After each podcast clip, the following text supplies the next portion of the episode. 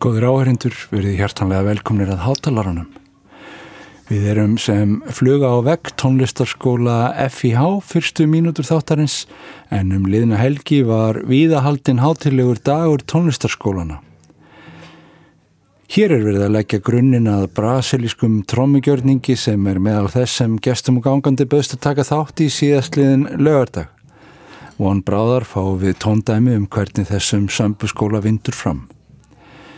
Í húsnaði skólans í Rauðagerði í Reykjavík er alla daga músiseraði í fjölbreyttum salarkinnum sem eru orðin umtalsvert stærri en þegar skólinn hóf starfsemi sína snemma á nýjunda áratögnum.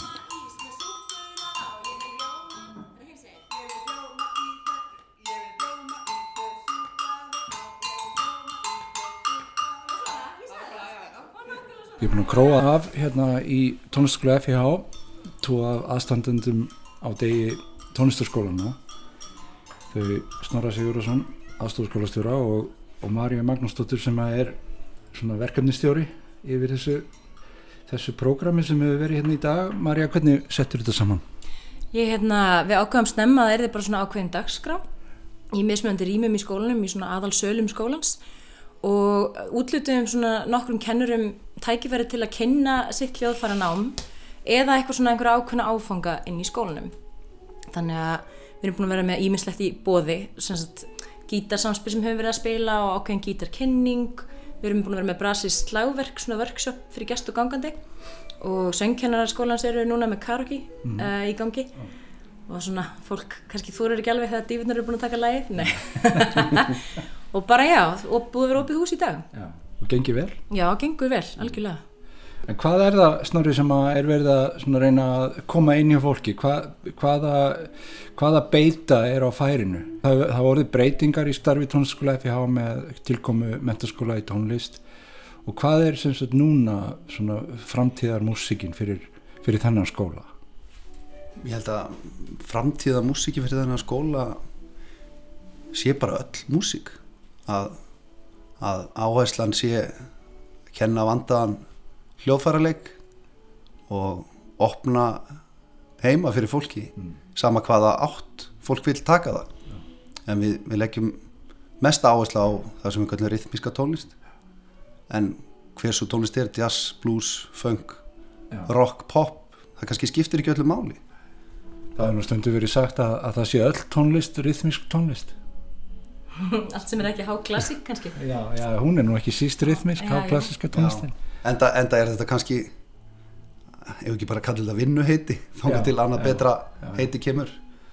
Það hefur nú, sko finnir þið fyrir því að, að múrar hafi hrunið, ég, ég er svolítið eldri sko og ég man eftir að það voru svona meiri múrar á milli tónlistategunda og ég, ég tel mig merkja það í dag að það sé ekki sko, ekki meðal þeirra sem að vinna við músikina allavega. Mm ég er alveg sammálað þessu, ég man að þegar ég byrjaði sjálf í tónlistanámi fyrir ekkar ung einmitt í söngnámi, þá var alltaf að tala um að þess og hinn og þess og hinn söngur en syngju vittlust mm. það er aldrei talað um þetta lengur Nei. fólk syngur bara með sínu nefi og svo lengi sem að það missir ekki röttina eftir að syngja þá var það ekki að syngja ránt ja. en svo er alltaf hægt að þróa og kenna betri tækni og, og fólk getur alltaf hérna svona þróa sitt hljóðfari mm. hvort sem það er röttin eða, eða hljóðfarilegur ja. algjörlega, þannig að jú ég held að múrur hafi brotnað Sama, ertu samansinnis? Já, algjörlega. Ég held að sé, það sem er búið að breytast kannski frá því að ég byrjaði í þessu fyrir 25 árum að, að það er bara gagkvæm virðing, Já. held ég. Það er, það er bara, þú veist, fólk átt að segja á því að þetta er, þetta er, þetta er bara, sami, við, erum að, við erum að reyna að gera sama hlutir, við erum að reyna að gera goða tónlist. Já. En við bara beitum mismöndi aðferðum og erum að spila eitthvað mismöndi. Ég, ég geti aldrei stokkið inn í, inn í, inn í stöðu trombetleikara í Sinfoníu hljómsveit Íslands Jú, látt ekki svona Nei, en, en, en þeir getur heldur ekki komið upp á svið með stórsett reykjagur og, og spila solo Já. yfir hljómagang Nei. þannig að ég held að, veist, ég held að fólk sé bara búið að segja á því að, að við getum líka unnið saman og það er spennandi og ég held að það sé það sem er næst að fara að gerast að við hættum að tala um tónlistastefnur og hverju munurinn heldur bara hvernig getum við starfa saman mm -hmm.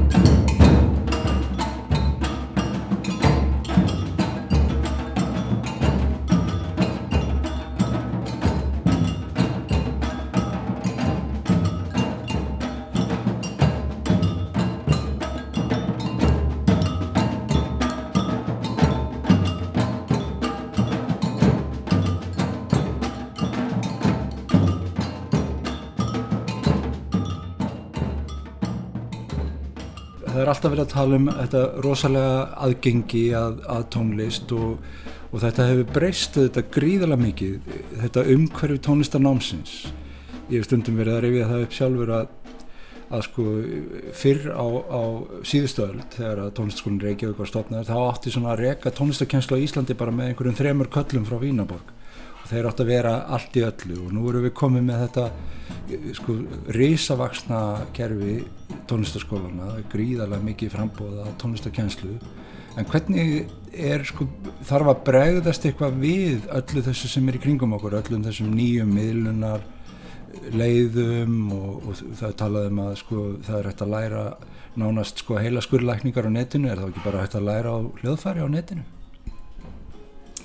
Ég myndi nú ekki segja það, þetta er alltaf spurningum praxis mm. og þú getur klálega lært, það er sko með svona það ný, ný, nýja stefnur og, og ströyma í músík í dag sem eru þá mikið til raftónist og rap það er klálega, þú læri langmest af því að grúska heima í þær mm. og horfa á öll, öll tutorialin sem þú finnir á YouTube og svo leiðis og það getur þú klálega lært heima og það er hægt að pikka ímislegt upp en það er ekkert sem jafnast held ég á við ómeitanleikan í því að vera með kennara, enga kennara í enga tíma vikulega og aðhaldi sem fylgir því og heimanámi sem fylgir því og, og hérna, að æfa sig það kemur ekkert í staðinu alltaf að verða betri á þitt hljóðfari Já. Það er náttúrulega engin endurgjöf í, í YouTube-vídeónu Nei. Nei, nei, það hlustar ekki tilbaka Nei, það hlustar ekki tilbaka þannig að En fullt að þetta læra á netinu samt, Það er að klálega. læra fullt af hlutum en, en það eins og, eins og með, með blástursljóðfærin til dæmis eins og trompeti sem ég kenna það er, það er hægt að miskilja hlutin á svo marga vegu að, hérna, að líkunar á þú hittir að það rétt er eiginlega minni heldur en að heldur en að þú hittir á einna miskilningun þannig að endurgjöfin er svo gríðarlega mikilvæg og Já, og svona upp á að fólk fær ekki að læra einhverja vittlisur og tilenga sér vittlisur, þá er náttúrulega mjög mikilvægt að allavega fá grunnatriðin, en svo getur fólk náttúrulega, ef mjög fólk er mjög að, það getur klálega örgulega haldið áfram sjálft. Það segja það samt mjög margir, en, en ge- gera það síðan ekki, þannig Já, að það er annað mál, sko. Það er nú eins og með hlustununa sko, það hafa allir aðganga allir tónlist í heiminum en er einhver að hlusta? Það er, það er spurningi.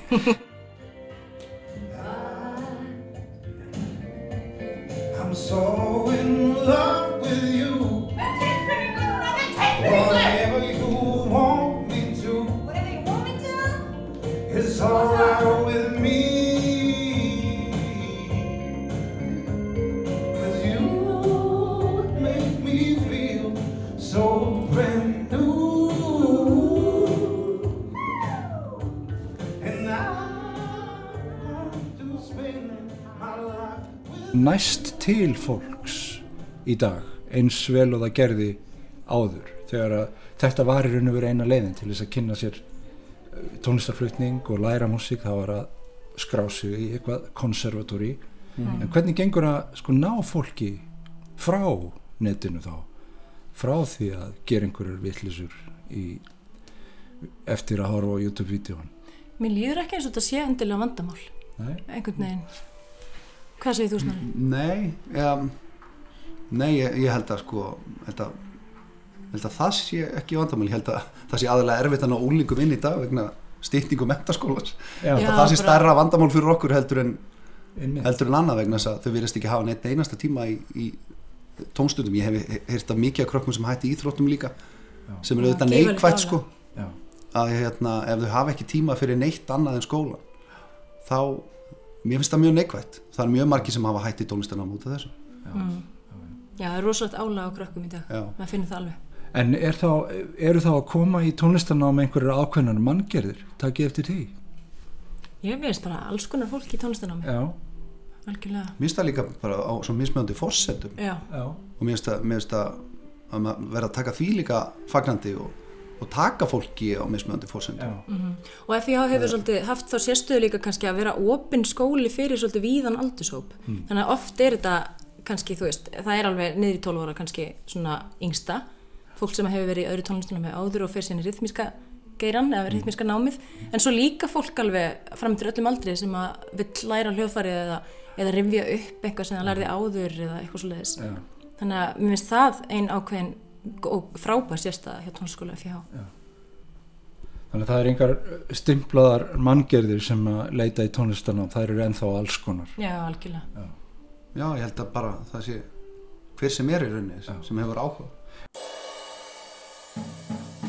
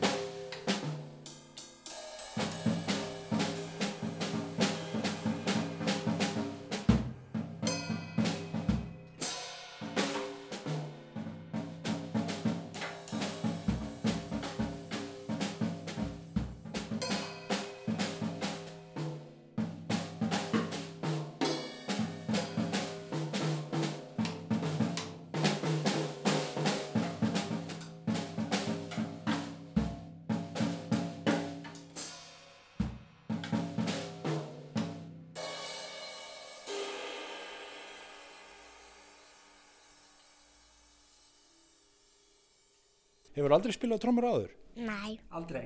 Hvað heitir þið? Anja Lind. Og ætlar að fara að spila trómur núna?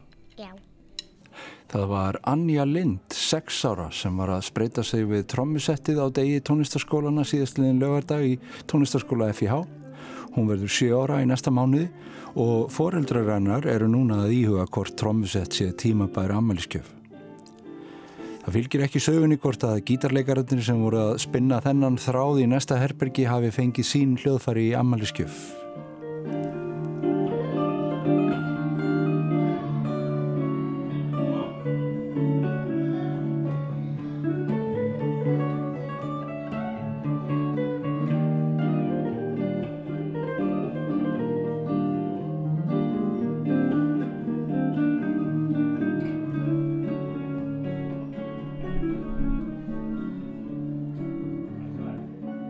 Þurfa skólar eins og þessir að, að bregðast við þessum nýju tímum eða eiga þeir í raun og verið að haga sér kannski bara eins og svona að því að það er nú talað um konservatóri þar sem að hlutirnir eru svona gerðir á ákveðnin hátt er það ennþá bara besta leiðin að, að vera með bara skýrar línur þannig að fólk svona viti hvað það er að fara að læra í staðin fyrir að vera reyna að eldast við einhvern tíðaranda Ég held að stopnun sem staðinar sé ekki góð stopnun. Ég held að það þurfi alltaf að taka tillit til þess sem er að gerast í samfélaginu og tónlistinni, sérstaklega fyrir tónlistaskóla.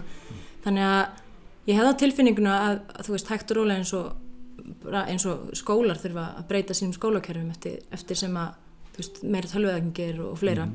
Þá séum við líka að stíga í rétt átt með það, bjóða upp á alls konar raftónlistanámskeið og pop, popbrautir og ýmislegt fleira sem henda kannski frekar þeim, því, þú veist, þeim hópum sem er að að hérna sækjum tónlist í dag, að sækjum tónlistinám í dag. Og það er mjög mikilvægt algjörlega. Og það er þess vegna líka mjög mikilvægt að kennarar í skólanum séu starfandi og séu að vinna í mismöndi tónlist. Já. þannig að ég held að þetta sé bara já, ekki, við mögum ekki vera staðnandi þó það sé alltaf sami grunnurinn tónlist er alltaf tónlist og, og fræðin á bakveð er alltaf þau sömu, þau breytast ekkert. Þannig að það eru bjartir tímar þó að það hafa orðið mikla breytingar hjá tónlistaskóla FIH. Já, algjörlega við erum með, við erum með rosalega, rosalega stert kennaralið starfandi tónlistafólk og ég held að það geta allir sagt að þeir verði bara betri kennarar með aldrinum og með reynslunum ég held að, ég held að það, það sé hérna stað hjá okkur í dag, við erum rosalega reynda og góða kennara, gott tónlistafólk. Já, algjörlega. Kennarar sem eru, eru tónlistamenn sjálfur en það er fullt af ótrúlega góðum kennurum sem, sem hafa gefið sér algjörlega kennslunni sem er að kenna hljóðfæri og, og, hérna, og gera það mjög vel. En það er bara svo, er bara svo mikilvægt fyrir okkar þegar við erum að kenna samspil við erum að kenna samleik mismunandi mismunandi fólks. Að, að, að, að þá skiptir svo miklu máli að við séum að stunda það líka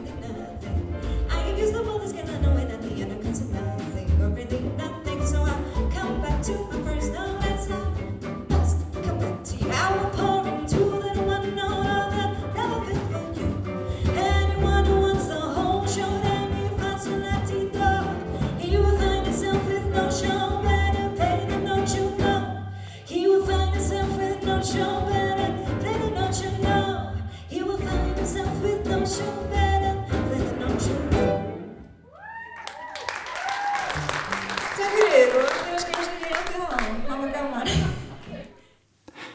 Einnar nótu sambandans Sjó Beams kallaðist skemmtilega á við brasilíska sömbuskólan sem sapnað var í á degi tónlistarskólana síðastliðin lögardag en þetta bráðhressa djam var meðal þess sem spratt fram við þetta tækifæri í tónlistarskóla FIH. Og auglýsing í lokin um að skrá sig í tónlistarskólan því þá verði gaman og svo jafnræði sér gætt þá að það við um hvaða tónlistarskóla sem er.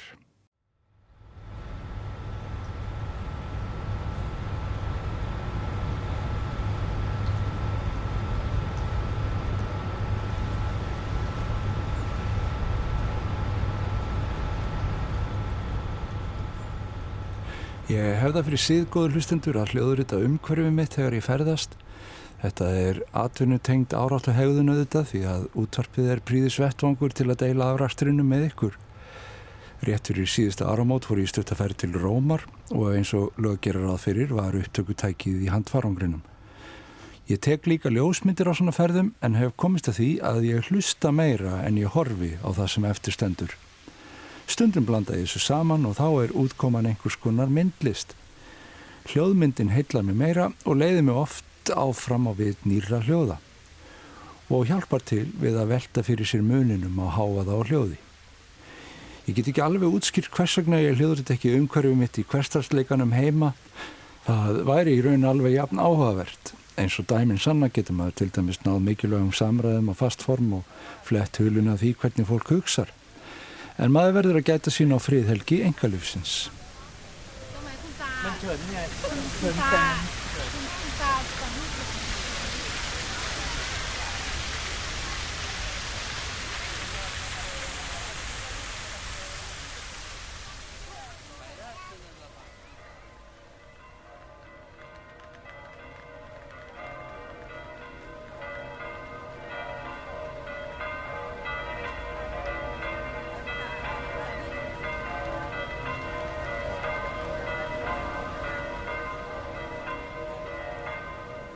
Stundum eru hljóðin í umhverfinu eins og tónlist í sjálfu sér. Kirkjuklukkurnar á Péturstorkunni í Róm eru dæmi um það, svona mínimalískur sefin og hljómur katholskunar. Taktu til þín það sem þú vilt af þessum kirkjuhljómi, upphefðu andaðinn eða gefðu þig á vald saminskupitinu, allt eftir aðstæðum. Þegar ég baðaði mig í kluknarhljómi Péturskirkjunar þá vildi svo skemmtilega til að ég hitti þarna á torginu tónlistarmann sem ég hafði heyrt spila á klubbi í borginni kvöldið áður. Það fannst mér ótrúlega tilvilin og honum líka reyndar. Greinilega ekki vanur því að erlendir ferðamenn gefi sig að honum en konar mín vatt sér að honum og spurði hvort hann væri ekki sá sem hefði verið að spila á saxofón í gerkvöldi. Hann spurði að bræði hvar það hefði verið en það spilar engin saxofónleikari sem eitthvað er spunnið í aðeins á einum stað á hverjum degi. Þetta reyndist vera Red Pellini, saxofónleikari sem hafði glatt okkur með stránkæðarlegum útgáfum á tónlist á mörgum swings og bebops, body and soul þar á meðal. En þegar við fórum yfir sameinlega áhrifavalda í tónlistinni kom í ljós að hjarta hans sló örast þegar frumdjassin var annars vegar. Hans maður var Big Spiderback.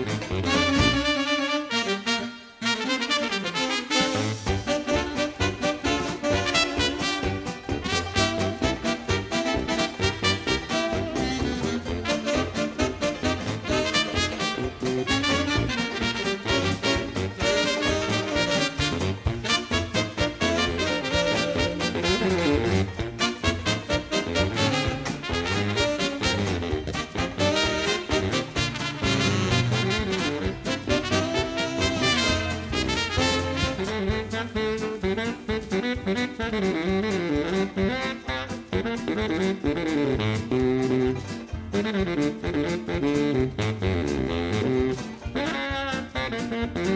you.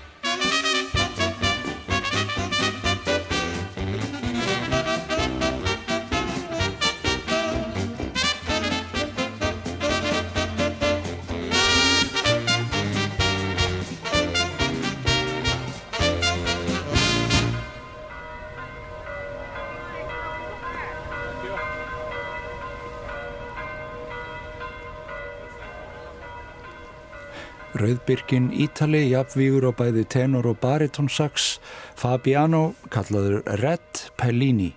Hann spilaði hér með félögum sínum í Red Pellini Gang, Since My Best Gal Turned Me Down, eftir trompetleikaran og fyrirmynd sína Biggs Beiderbecke, sem í huga Pellinis er almerkasti fulltrúi frumtjassins.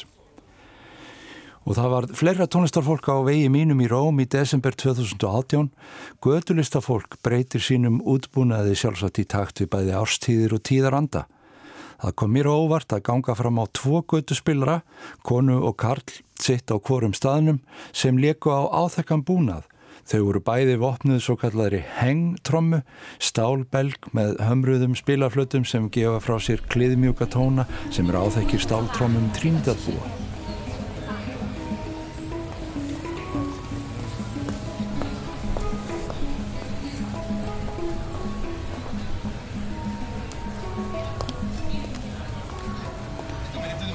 Ciao. Mezzanotte, sai che...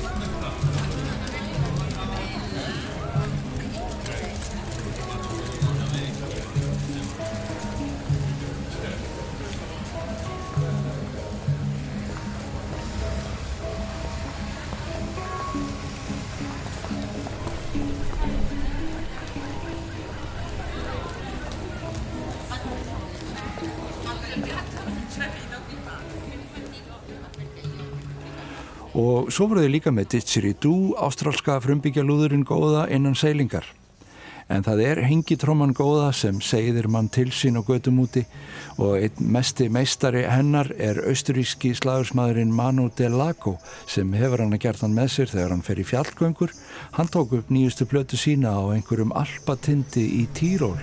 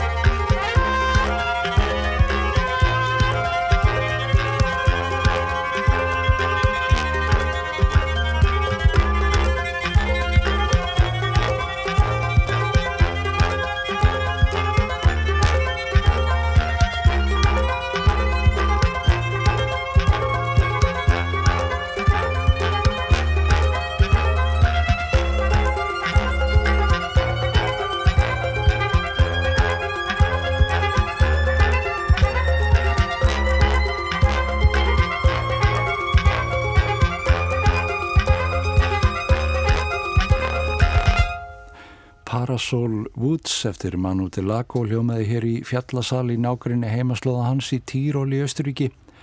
Manu Delago vel þekktur sem er þeirra sem leggja Björk Guðmustóttur til sína ásláttar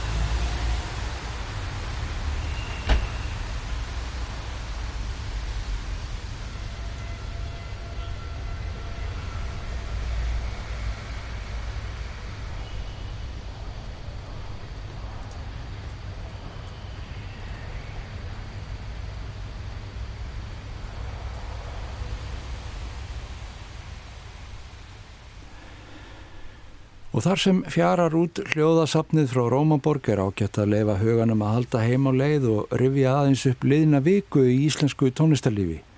Viku sem einkendist að því sem einhverjir gestir myrkra músikdaga hafa kallað frumflutningssótt premieritis. Það er svo sem alveg hægt að taka undir að hlustendur verða að hafa sig alla við til að meðtaka eins stóran skamt af nýri tónlist eins og tónlistarháttíðin góða ber á borð á hverju ári og aldrei sem nú þegar myrkir músikdagar stóðu í heila viku.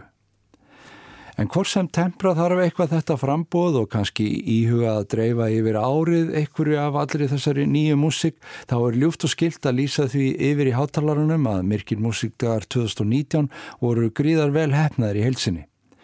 Fjölbreytt og skemmtilegt efni sem vekur upp margar skemmtilegar spurningar um stöðu samtíma tónlistarinnar og hvers vegna músikin er svona en ekki hins einn. Og það er nú einmitt merkurinn málsins að við fáum eitthvað til að velta fyrir okkur.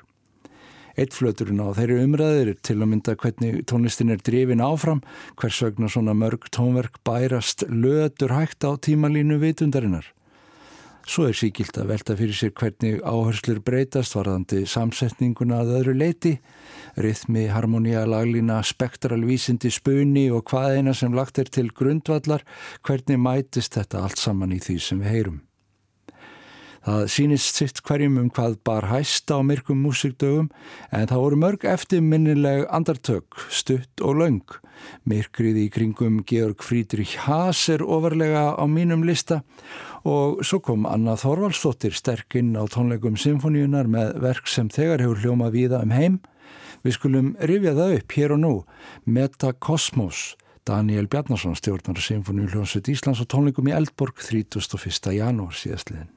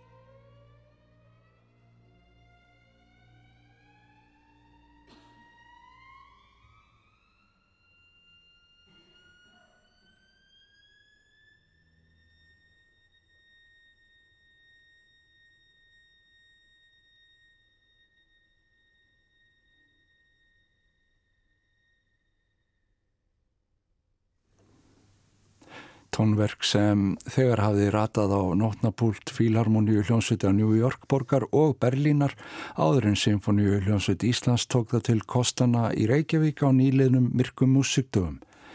Meta Kosmos eftir Önnu Þorvaldsdóttur og ekki ólíklegt að Anna hafi slegið heimsmet í víóluglissi í þessu verki. Og þá eru við því sem næst komin að leiðarlokum í þessum hátalara við ljúkum þættinum á lægi frá Marju Magnúsdóttur sem ásamt Snorra Sigurðarsinni spjallaði við mig um tónlistarkenslu fyrir þessum þætti. Marja gefur út sína músik undir listamannsnafninu Mimra og við heyrum Our Great Escape af blötu hennar Sinking Island frá 2017. Takk fyrir að hlusta. A great escape from fear and hate.